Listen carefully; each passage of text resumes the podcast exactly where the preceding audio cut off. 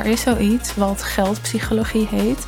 En dat is eigenlijk hoe jij je voelt, hoe jij kijkt, wat voor emotionele waarde of band jij hebt met geld. Dus ook met het handelen met betrekking op geld.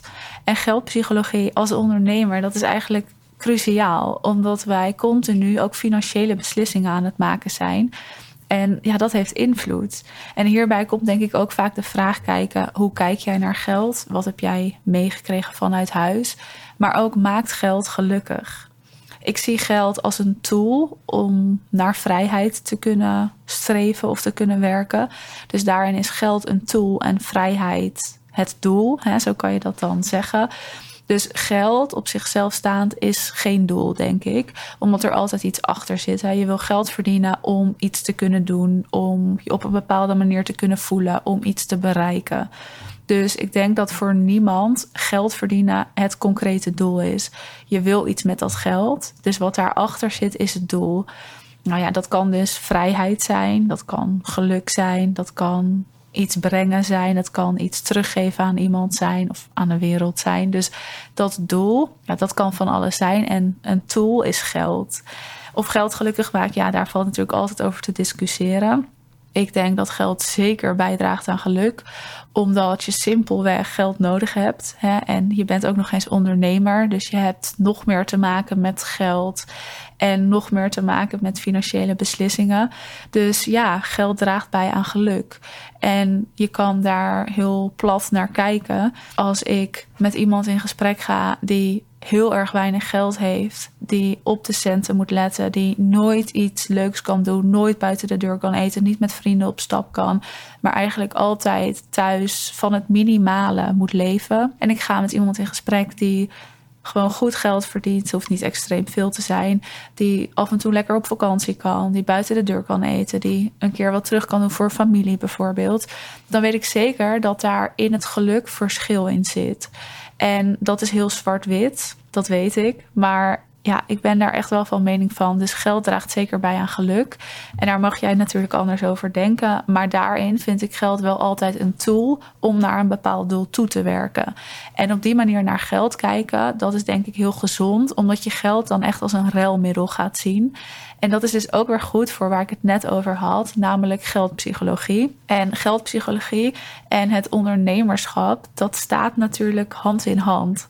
Omdat wij continu bezig zijn met geld verdienen, met financiële beslissingen maken, bepalen of we ergens in gaan investeren, ja of nee, het doen van je sales, het omgaan met het geld wat je hebt en waar investeer je dat in, hoe ga je daarmee om, hoeveel keer je jezelf uit bijvoorbeeld, wat gaat er naar je team, waarin maak je keuzes. Dus we zijn constant bezig met geld.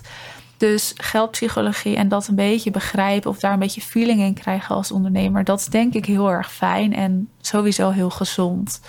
En daarin wil ik gewoon een paar aspecten met je doornemen die denk ik relevant zijn voor ondernemers. Want geldpsychologie, dat kan heel breed zijn. Dat kan je op iedereen toepassen. En daar zijn weer allemaal meningen over en onderzoeken over. En je kan je daar echt ontzettend in verdiepen. Maar ik pak er gewoon even drie of vier. En die ook dus gerelateerd zijn aan het ondernemerschap. Want dan is het ook interessant voor jou en ook het interessant voor mij. En daarin wil ik het eerst hebben over geld mindset. Money mindset noemen wij dat. En ja, dat is een veel besproken onderwerp. En mensen praten daar veel over, hebben daar allerlei meningen over. Maar dat gaat letterlijk over de overtuiging en de houding die je hebt ten opzichte van geld. En ook ten opzichte van geld verdienen. Ten opzichte van mensen die heel veel geld verdienen of mensen die heel weinig geld verdienen. En een goede money mindset en positieve geld mindset. Dat kan ondernemers helpen om bepaalde kansen te kunnen zien, om risico's te durven nemen, maar ook om een soort van gezonde financiële situatie in je bedrijf te creëren. En als jij bijvoorbeeld opgegroeid bent met ja, de overtuiging, of jouw ouders hadden de overtuiging van mensen die heel veel geld verdienen, die zijn super arrogant en die verdienen dat altijd op een oneerlijke manier, dan is dat een overtuiging die bij jou ook ingeplant is. Dat werkt zo en je neemt alles over van je ouders.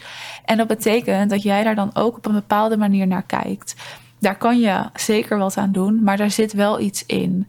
En als je je daar bewust van kan zijn, dan kan je op een andere manier naar geld leren kijken, waardoor je makkelijker zelf ook meer geld kan verdienen. En voor heel veel mensen klinkt dit heel vaag of spiritueel, maar dat is het niet. Als jij overtuigingen hebt, dan ga je voor jezelf namelijk blokkades bepalen, blokkades opzetten. En dat is hoe ons brein werkt. Dat is niet spiritueel, dat is niet zweverig. Nee, dat is letterlijk hoe ons systeem werkt. Als jij een overtuiging hebt, dan ontstaan er blokkades. En dan is het heel moeilijk om daar doorheen te gaan, om juiste keuzes te maken. Kan je bijvoorbeeld moeite hebben met het doen van sales, met hoge prijzen vragen? Wil je iedereen graag gratis en voor niets helpen? Want geld verdienen is vies. Hè? Zo heb je dat dan geleerd. Die money mindset, die kennen we allemaal wel. Maar dat heeft ook te maken met de psychologie van geld en met geldpsychologie. En daarom is het gezond om eens na te gaan: hoe kijk ik eigenlijk naar geld? Hoe ben ik opgegroeid? Wat hebben mijn ouders mij verteld over geld? En wat doet dat nu dus met mij? En er is genoeg te vinden over money mindset. Dus ik zou zeker zeggen, zoek het eens een keer op. Er zijn ook vast wel testjes te vinden online. Maar je daar bewust van zijn is stap 1. En daar kan ook altijd iets onder zitten. Want stel jij hebt altijd geleefd in een situatie waar er bijvoorbeeld wel geld was, maar waar het altijd werd uitgegeven, waardoor bijvoorbeeld je ouders alsnog in een soort van problemen kwamen, dan is het heel erg begrijpelijk als jij dat patroon hebt overgenomen. Dus wie weet verdien je dan wel heel veel geld of gewoon prima. En ben je dat continu aan het uitgeven of aan het investeren? En dat is een patroon die je hebt meegekregen vanuit huis. En dan ga je nooit een gezonde financiële situatie creëren voor jezelf, omdat jij dat ook nooit gezien hebt. En daar kan je doorheen, dat kan je doorbreken, zo noemen we dat dan. Maar daar heb je je wel eerst bewust van te zijn. Dus ga maar eens na, wat heb ik meegekregen over geld en over geld verdienen? En hoe werkt dat dan nu door in je bedrijf, in het ondernemerschap, in de investeringen die je doet? Wat ook te maken heeft met geldpsychologie is de emotionele besluitvorming. Ik heb het wel vaker gehad over besluitvorming, maar emoties die spelen natuurlijk een hele grote rol bij beslissingen die gaan over geld, dus bij geldbeslissingen. En als we het over ondernemers hebben, over ons, ondernemers die worden gewoon heel snel beïnvloed of kunnen snel worden beïnvloed door die emoties. En dat kan angst zijn, dat kan hebzucht zijn misschien, dat kan ook juist angst voor verlies zijn. Maar het begrijpen van die emoties, als je een besluit wil nemen, bijvoorbeeld over een investering, dat helpt om betere keuzes te maken. Dus om betere financiële keuzes te maken. En dat kun je heel simpel doen door na te gaan welke emoties heb ik, wat voel ik als ik een keuze moet maken rondom geld. Dus als ik een investering wil gaan doen, als ik een teamlid wil aannemen, als ik mijn prijzen wil verhogen welke emoties spelen dan op? Welke spelen standaard op? En zijn die terecht? En als je dan denkt, oké, er speelt bijvoorbeeld altijd een soort angst voor verlies op, dan is dat niet terecht bij de investering. Maar dan is dat iets wat gewoon altijd in jou ontwikkelt als het gaat over keuzes maken rondom geld.